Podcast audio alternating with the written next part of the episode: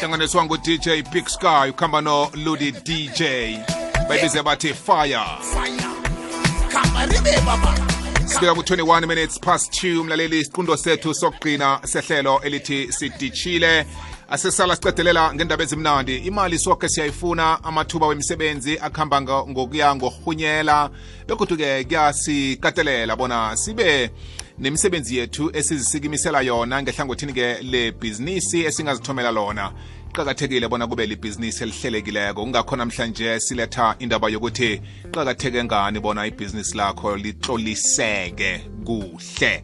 Khamba nosolwazi wethu waqobe ngaso soke isikhathi osizana nathi ngendaba lezi esizikhulumisako. Ngikhuluma ngo-isaac wakwathubana lotsha thubana. Mthombothi ngiyavuka kunjani ngakuwe? Sihlwe kamnandi ndoda ekhethu uhlwe njani wena? Aha no man eh siyancengancenga kwamambala ngikhumbule iveke epheleko ngitshele ukuthi impilo sifonyo! Aha. Kunjalo. Ngisayibambe njalo-ke angingasuki lapho. Aha. Namhlanje usiphatheleni thubana? Ngithokoza kamnandi-ke elangela namhlanje babomthombothi ngilotshisa kamnandi nabalaleli bekwekwezi f m. sengila namhlanje ngiba sikhulume nganasa indaba bonyana kuqakatheke ngani bonyana ibhizinisi yomuntu ibe registered sifike njani la nangathi uqalile emakhaya namtshana abomnakwethu le ekhaya le umnakwethu bayawazi umbereko banamabhizinisi abo bathe mancane mara bakhona ukuzibambela imbereko engeyabo isikhathi esiningi babhalela ukubasabhisa ngombana banamaphepha afunekako mm. mm. yeke-ke ngithi akhe ngiqalele umlaleli ekhaya namhlanje bonyana eh kubaluleke ngani bonyana ibhizinisi yakhe ibe registered and uyiregister bunjani and uregister kuphi? And yini ama-benefits walokho? Iye. Ngiyaraga. Kokuthoma-ke um ukuregister ibhizinisi yakho ubuzokwenza bonyana ukhone ukwenza ibhizinisi lula. Njengobana sengitshwile bonyana ungakhona ukuthi na umuntu owazi umbereko ngoba into ebalulekileko kubhizinisi yinto ongakhona ukuyidiliva namtshana into ongakhona ukuyenza. Akabaluleki ukuthi mhlambe-ke um imali eqinini mara ukuthi iquality yombereko ungangani. Asithi nakumquality yombereko ikhona then nawunamaphepha kwahlelekileko uzokhona ukwenza ibhizinisi lula ngokuthoma lokho. Kwesibili ku-attractor ne-funding namtshana kudosa abasisi namtshana kudosa umuntu ongafaka imali ibhizinisi lakho bonyana uthuthuke. Ngoba uzobe nawo ama- amaphepha afunekako okhunye uzabe uzenzela i-favor wena namtshana umusa wena wokomplya nomthetho weselo afrika obekiweko wokubhizinisa asithome la umuntu uthoga ini namtshana uregister njani ibhizinisi ibhizinisi yakhe? Kokuthoma umuntu uthoga umuntu omutsha kuhle kuhle uthoga uthoga i-smartphone. Ten and then nemali e-one seventy five last time ngiqala bekuyi-one seventy five imali ayihlogako namagama amathathu. Then angene ku-CIPC website. Umuntu omutsha one-Facebook one-Twitter one-Instagram kulula khulu ukuthi bonyana angayiregister ikhampani ngombana ku-CIPC website uzokuvula i-account uzoba ne-username ne-password bese ukhona ukuregister ikhampani yakho iye phambili. Ngiyadlula lapho.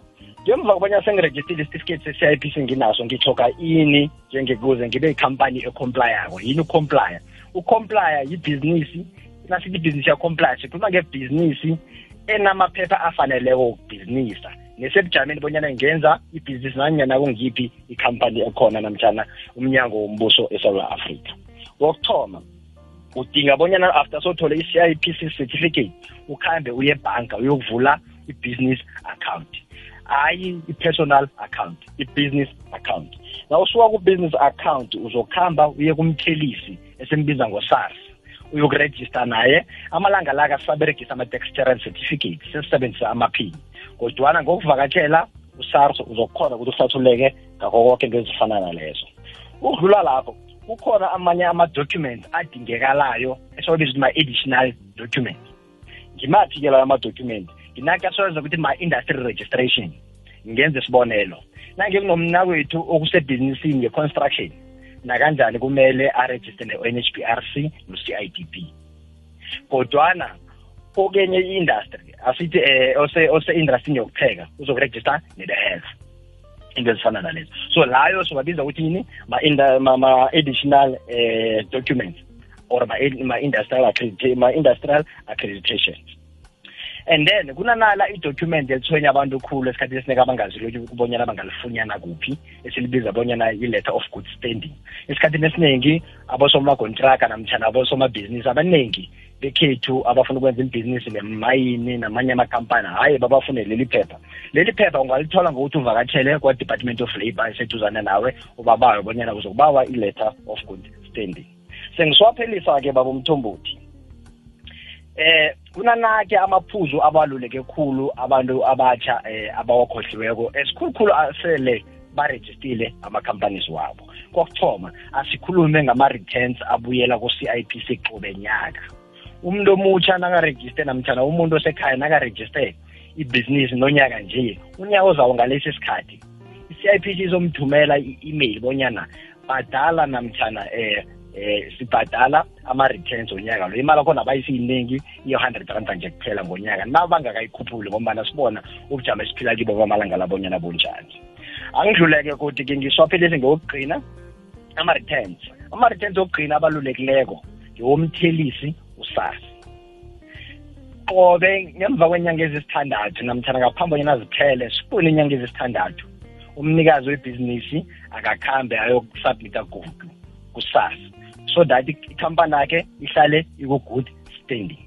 Nange umuntu afuna ukwenza ibhizinisi nombuso balulekile kodwa bonyana umuntu arejiste ne-CSD central database yombuso. Nakho kusimahla okuyiregister uthoga i-smartphone nje kwaphela. Angazi bonyana baba umthombothi unomfakela namtshana umbuso.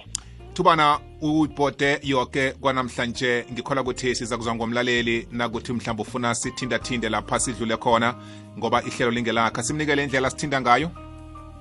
Umlaleli angangithola lapha um ku-email email yami ithi isaac tubane at gmail com. Isaac tubane at gmail com namtshana ku-twitter ungaya lapho ngiqala ku-isaac tubane at gmail com. Mthombothi eh ngithole imilayezo namtshana ama-emails ambalwanyana kodwana amburoka akhuluma ngento yinye engifuna namtshana engifisa bonyana siqale iveke zako le indaba ye-funding. Abantu bafuna ukwazi bonyana i-funding bayithola njani i-funding ingena ebhizinisini nakwenze njani ngombana mina ngisala ngithi i-funding awuyihlogi for ukuthoma. Yazwakala thubana sakhuluma evekenezako iba nemini emnandi mna kwethu ngithokozile yazwa ngithokoza kamnandi na uhlwe kamnandi langena namhlanje ngithokoza nabalaleli emakhaya. Awuzweke. Ngu-isaac thubana mlaleli ngokutshila nomngane wakho ngehlelo lethu leli ungaphundwa zindaba esizikhuluma emini ehlelweni siditshile ngombana siletha umnotho kuwe. Ukwenzela bona-ke kuvuke lelo themba lokuthi nanyana ngingasebenzi nje umsebenzi ngingazithomela. Mhlambe uretrenjiwe la uretrenjiwe khona kodwana-ke une-skill esithileko sifundeleko une-qualification ethileko efundeleko amakhastama obusebenza ngawo kukhampani leya ekuretrenjileko ungakhona ukuthi uzisikimisele wona wakho ekhampani nakho. Kungakho siletha leli hlelo laqobe ngelesithathu la sikhuluma khona ngomnotho.